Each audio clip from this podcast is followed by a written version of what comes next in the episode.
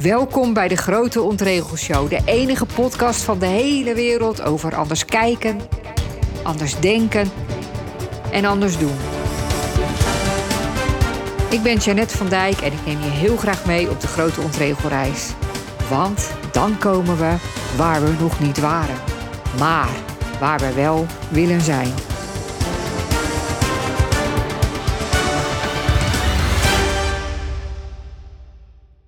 Er hangt wat in de lucht. Er hangt herfst in de lucht. En ik hou niet van herfst. Ik heb veel liever warmte dan kou. Ik heb veel liever licht dan donker. Ik heb veel liever het begin dan het einde. Maar ik geloof niet dat ik de seizoenen kan ontregelen. Het enige wat ik kan ontregelen is mezelf. En dan denken dat ik de herfst wel leuk vind. Dat ik van bruine blaadjes hou in plaats van groene. Dat ik van zonsondergangen hou in plaats van van zonsopgangen. Nou, ik hou van allebei. Er hangt ook wel eens een doelpunt in de lucht. En volgens mij hangt nu het imposter syndroom in de lucht. En laten we daar nou eens mee beginnen. De ondraaglijke lichtheid van het ontregelen.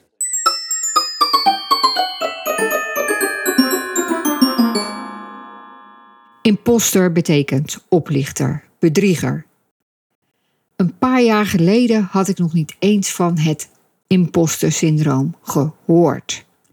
Ik kwam erachter omdat een van mijn klanten heel erg twijfelde aan zichzelf. En ze vertelde dat dat eigenlijk een heel bekend gevoel was. Dat ze wel eens nachts wakker werd en dan dacht ze: misschien moet ik het VWO-examen over gaan doen. Misschien is mijn diploma helemaal niet, heb ik dat helemaal niet eerlijk gekregen. Of Misschien moet ik opnieuw rijexamen doen, omdat ik eigenlijk mijn rijbewijs helemaal niet op goede gronden heb gehaald. Uit onderzoek blijkt dat heel veel mensen wel eens dat gevoel hebben dat ze door de mand gaan vallen. Dat het helemaal niet waar is dat ze iets heel goed kunnen. Dat ze een bedrieger zijn. En twee op de vijf mensen heeft het best wel vaak. En ik denk zelf dat mensen die zelfstandig ondernemer zijn, die coach zijn, die consultant zijn, die mentor zijn, die trainer zijn, het nog vaker hebben. Omdat je dan zo met jezelf werkt als instrument en het toch een beetje op jezelf bent aangewezen. En um, dat je vaak spannende nieuwe dingen doet. Dus het is niet zo gek misschien dat in mijn wereldje het imposter syndroom best wel in de lucht hangt. Ik hoor bijna iedereen erover. Klanten van klanten hebben er last van, collega's hebben er last van. Ehm, ik zie het gewoon steeds overal opduiken. En we zeggen natuurlijk dat we er last van hebben. Maar dat imposter syndroom is eigenlijk, ehm, ja, hoe zal ik het zeggen? We kunnen dat ook ontregelen. Want ik denk er is dus onderzoek gedaan naar hoeveel mensen er last van hebben. Maar ik denk als we gaan onderzoeken hoeveel mensen echt die last van hebben van het imposter syndroom werkelijk bedrieger of oplichter zijn, dat we dan behoorlijk tegen de nul aan gaan schuren. En als dat dus niet waar is, dat we geen oplichters zijn, waarom zou het dan waar zijn dat we last hebben van het imposter syndroom. Dat is ook maar een verhaal dat we onszelf vertellen. En dat verhaal kunnen we net als alle andere verhalen, dat kunnen we ontregelen. Behalve het imposter syndroom heb je ook het Dunner-Kruger effect. En dat zegt dat juist mensen die heel goed in iets zijn, zichzelf vaak onderschatten. En mensen die minder goede kwaliteiten hebben en minder goede competenties en minder goede vaardigheden, die mensen die onderschatten, overschatten zich dus juist. Dus mensen die juist al heel goed zijn, onderschatten zichzelf juist. En daaruit zou je, zou je kunnen afleiden dat twijfel dus niet rechtstreeks een verband houdt met jouw kwaliteiten en capaciteiten. Met de vraag of je iets goed kan.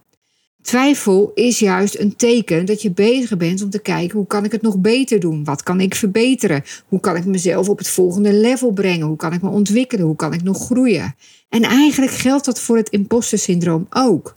Want als je bedenkt van, oh, ik twijfel een beetje, ik voel me onzeker, uh, misschien kan ik het wel helemaal niet, dan kun je gaan bedenken, wat kan ik verbeteren? Wat kan ik nog een keer oefenen? Wat kan ik nog een keer uitproberen? Uh, wat kan ik hier nog over lezen, opzoeken, leren? Uh, kan ik misschien even met iemand anders daarover praten? Dus zodra je dat imposter syndroom voelt, dan zit je weer in een kan je weer naar een, een, een overtreffende trap komen, naar een betere versie van jezelf op een next level. Dus ik stel heel ontregelend voor dat we nooit meer zeggen dat we last hebben van het imposter syndroom, maar dat we zeggen lang leven het imposter syndroom.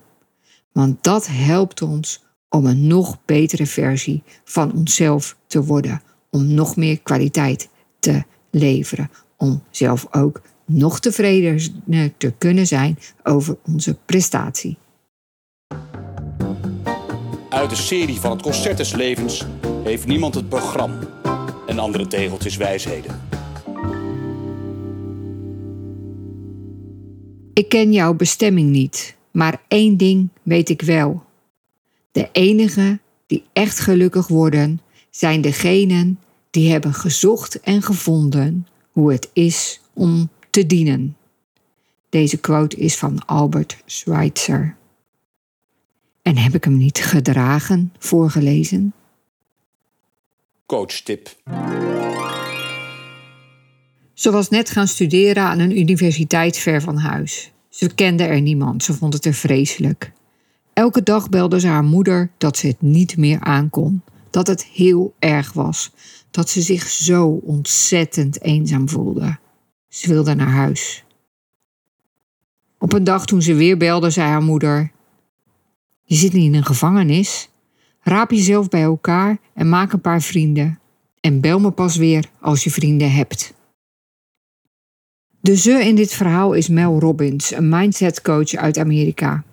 Ze vertelde dit verhaal om aan te geven hoe we soms op kunnen gaan in onze eigen belabberde omstandigheden, in onze eigen zorgen, in ons eigen ongemak. Ik leerde mijn moeder om mij te troosten, zei ze. Zo werkt het vaak. We houden van onze angsten en zorgen. We blijven ons klein en ongelukkig voelen. We blijven ons verhaal maar vertellen omdat het werkt. De ander gaat ons troosten. En onze zorgen zorgen ervoor dat we zelf niet in actie komen. En we schieten er niks mee op. We hebben niet allemaal een heel verstandige moeder of iemand anders in onze omgeving die zegt dat we erop uit moeten gaan en pas weer mogen bellen als we vrienden hebben gemaakt. Maar gelukkig kun je jezelf ook aan je eigen haren uit het moeras trekken. De oplossing begint met drie vragen. Kan ik weg uit deze situatie? Kan ik naar huis rennen? Naar mijn ouderlijke huis, honderden kilometers hier vandaan? Zo nee, kan ik het veranderen?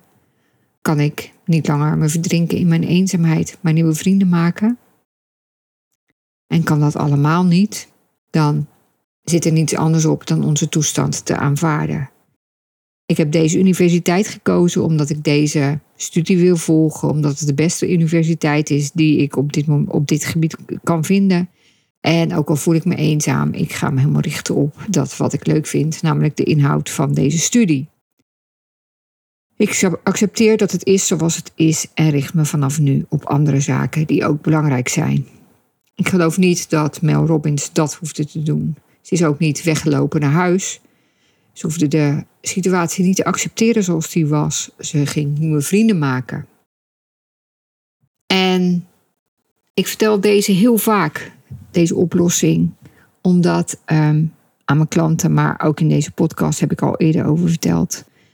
Omdat het voor mij zo'n enorm helpende vaardigheid is om deze drie vragen aan jezelf te stellen als iets niet is zoals je het zou willen. Als iets tegenvalt, als je jezelf tegenvalt. Kan ik hieruit weggaan? Kan ik het veranderen? Of kan ik het accepteren en me richten op dingen die ik wel leuk vind, die wel goed gaan, die me veel vervulling, voldoening of een succesgevoel geven? En het mooie aan dit voorbeeld, ja, ik las het een beetje gedragen voor. Dat komt omdat ik het voorlas van een Instagram-post die ik ooit heb gemaakt. Ja, ik was het aan het voorlezen en ik dacht, waarom vertel je dat niet gewoon? Want ik ken het verhaal uit mijn hoofd. Omdat ik het zo'n enorm goed voorbeeld vind. Niet alleen qua dat je altijd een keuze hebt en dat, dat, dat, dat, dat je altijd moet proberen om eh, zelf een oplossing te zoeken. Niet omdat dat ook weer, ja, weet je wel, dat je denkt, nou ja, dan zoek ik het zelf maar uit. Maar omdat het zo helpt, omdat het je zoveel eigenwaarde geeft, zoveel zelfvertrouwen, zoveel, je zoveel beter laat voelen als je zelf die oplossing kan verzinnen. Maar ook omdat ze zo goed uitlegt hoe um, zij haar moeder bijna gebruikte om voor zich te laten zorgen en om haar te laten troosten. En dat doen we natuurlijk ook heel vaak in het leven.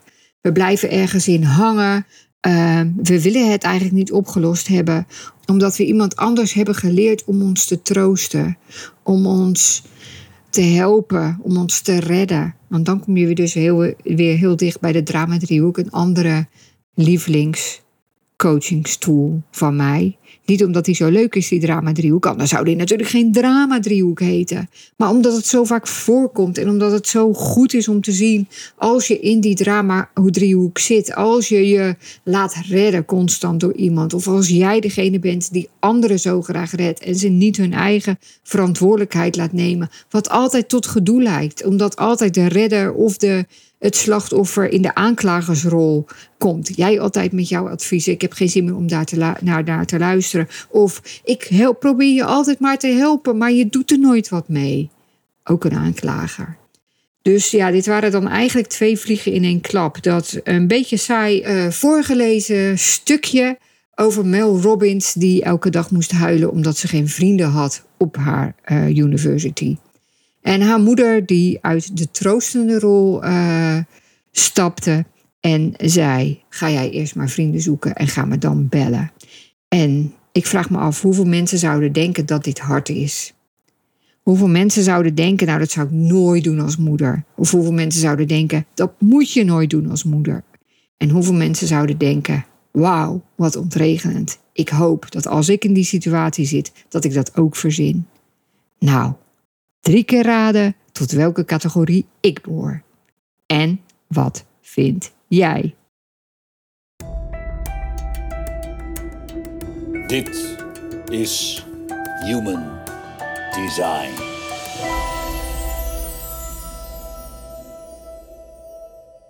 Hoe vind jij het als iemand moet nadenken over een beslissing? Ben jij misschien zelf iemand die heel snel weet: ja, dit wil ik, of nee, dit wil ik niet? Of ben jij iemand die de beste beslissingen neemt door een paar dagen over te slapen? Ben jij iemand die zich beseft dat, dat je wel eens beslissingen hebt genomen die je te snel hebt genomen, waarvan je later spijt had? Ik vraag dat omdat we een beetje worden opgevoed en grootgebracht met het idee dat we allemaal op dezelfde manier beslissingen nemen. En heel vaak gaat het dan over beslissingen nemen met ons hoofd.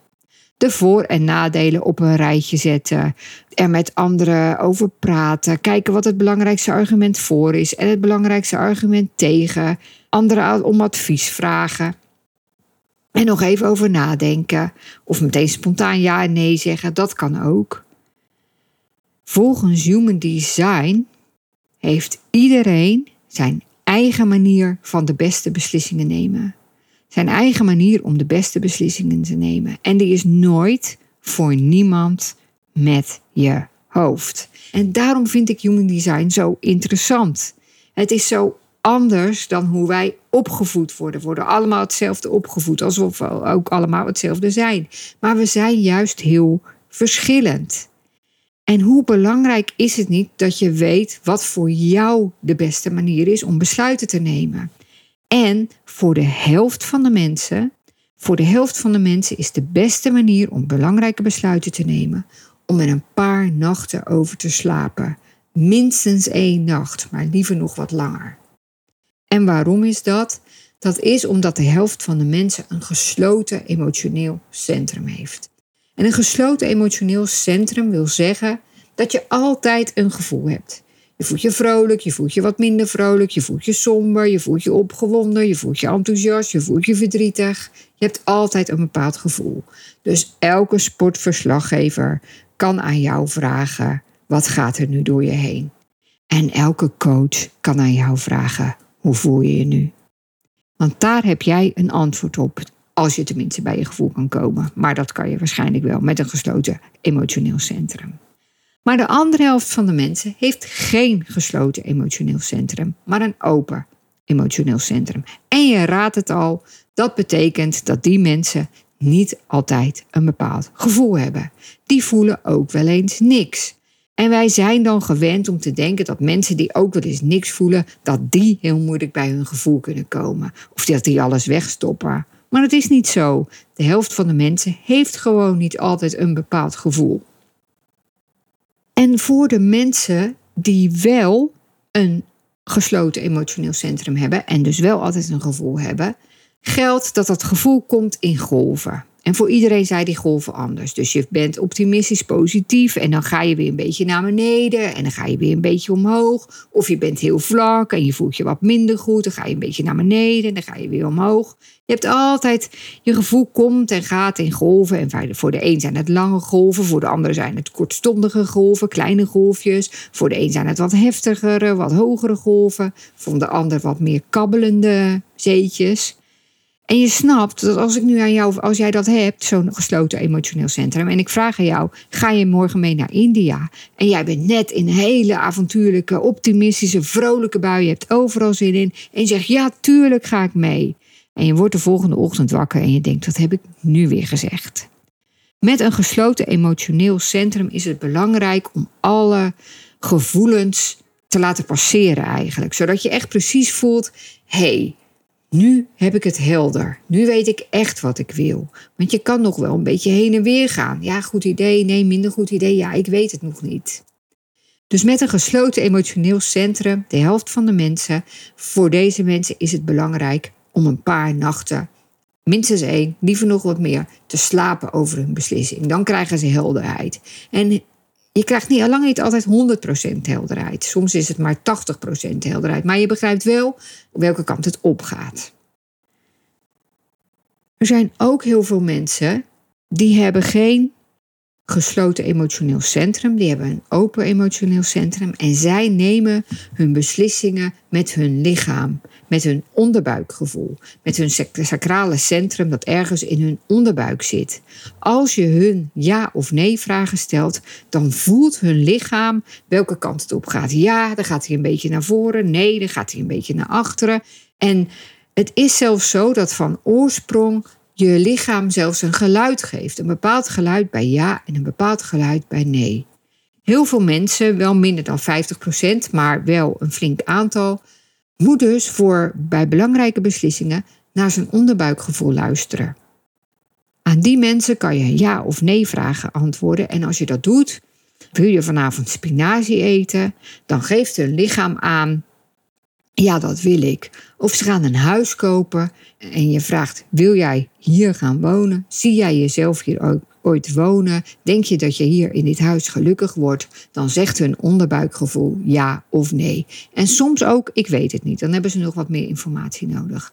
Maar dit zijn de belangrijkste manieren om beslissingen te nemen. Voor 50% van de mensen geldt dus dat het belangrijk is om een paar nachten om na te denken. Nou, niet na te denken, maar om, om, om te blijven voelen hoe ze in die beslissing staan. Hoe ze over dit standpunt denken. Uh, zeg ik weer denken. Voelen.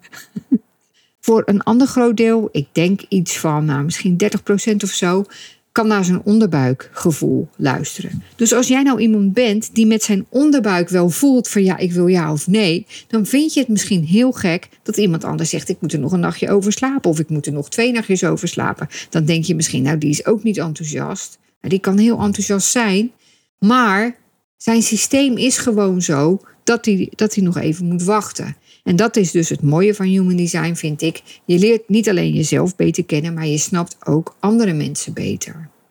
Er zijn nog meer manieren om de beste beslissingen te nemen, maar deze, de volgende manieren, komen allemaal wat minder voor.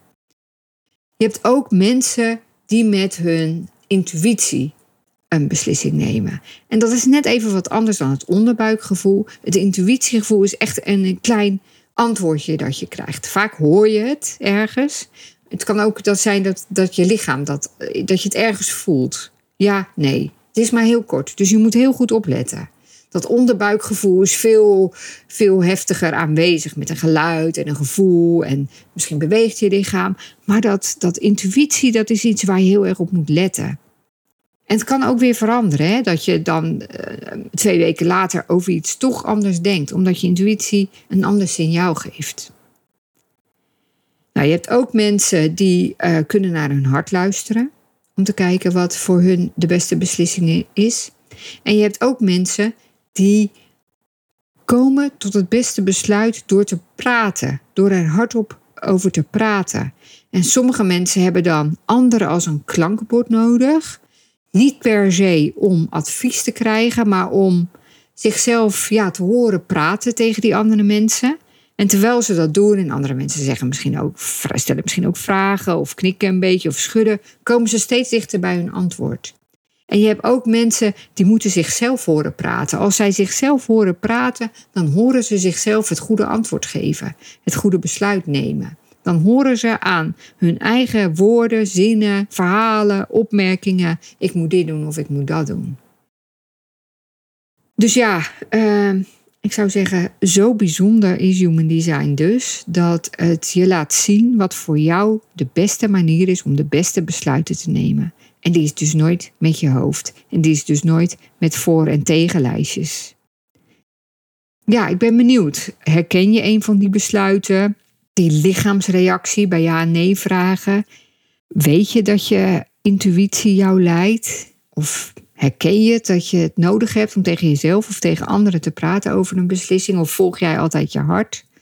Dat zijn ook niet veel mensen die dat hebben, maar misschien jij wel. Of ga eens na, heb je als belangrijke beslissingen heel spontaan en snel genomen, terwijl je achteraf dacht, daar had ik wat langer over na moeten denken. Nou, dan heb jij waarschijnlijk een gesloten emotioneel centrum en dan is jouw beste manier om beslissingen te nemen om er een paar nachten over te slapen, of minstens eentje. Als je meer wil weten van human design, ik vind het nog steeds een heel raar systeem. En ik zeg altijd, ik geloof er niks van, maar het is wel waar. Het klopt echt als een bus. Let me know, want ik geef af en toe nog wel eens um, uitleg over je kaart. Readings, kan je het ook noemen.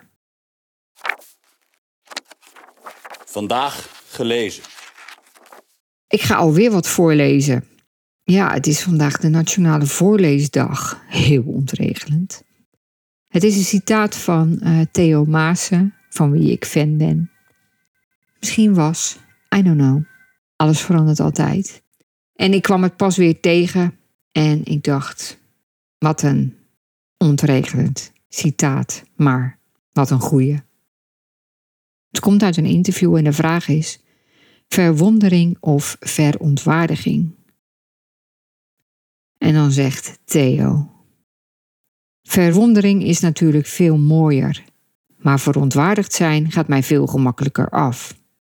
Als ik ga toeren met een cabaretprogramma, neem ik me altijd voor mijn ergernis om te zetten in verwondering. Dan kom ik met twee vrienden aan in een theater en krijgen we alle drie één consumptiebon. Wat wonderlijk dat ze het zo aanpakken, denk ik dan. Ja, dat werkt heel goed. Je wordt er veel gelukkiger van.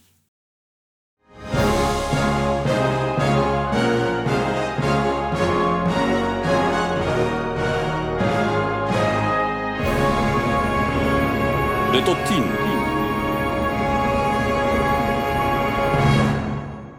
Omdat het herfst is of zo, heb ik een hele, hele, hele leuke top 10 voor je.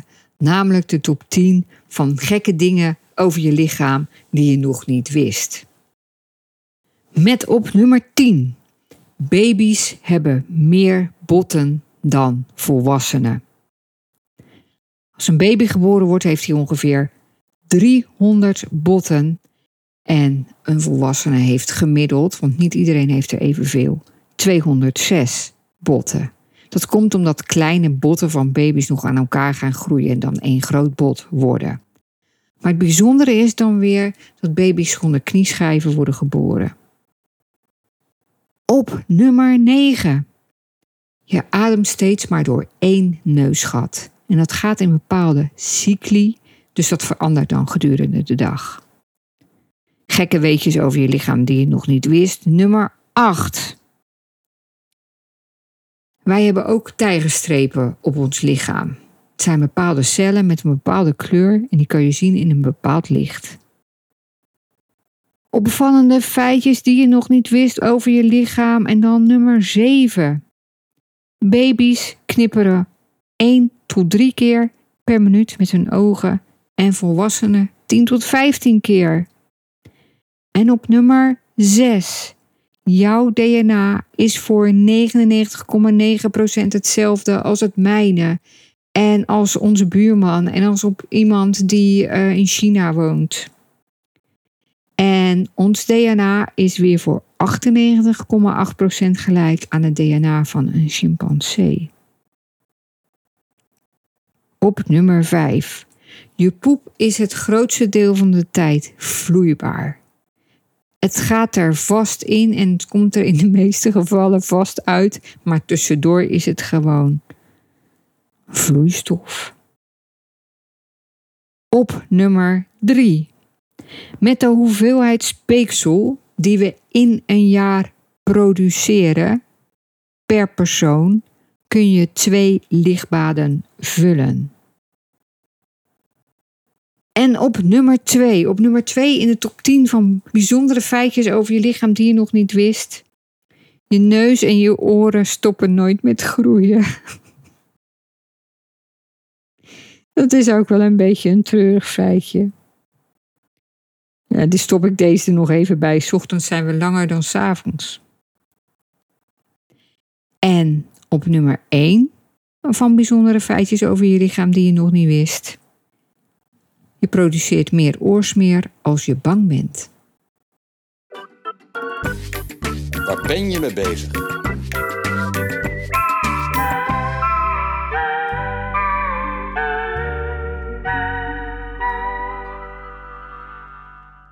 Er verschijnt tegenwoordig elke week een nieuwsbrief van Holland's Next Topcoach. En nu denk je misschien een nieuwsbrief, een nieuwsbrief. Uh, uh, die troep wil ik niet in mijn mailbox. En ik lees ze allemaal nooit. En iedereen stuurt maar een nieuwsbrief. Of misschien denk je, nieuwsbrieven zijn toch uit en uit de mode en weet ik veel wat. Wie stuurt er nog een nieuwsbrief? Nou, ik. En hij is best leuk.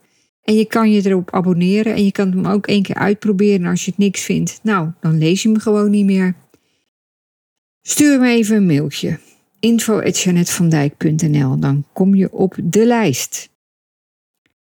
Verder heb ik nog een ander leuk nieuwtje. Op 26 november is er een Holland Next Topcoach Dag. Een dag waarop je leert om nog beter te coachen ja, het wordt een waardevolle dag die je heel veel gaat opleveren, waardoor je je klanten veel beter gaat helpen.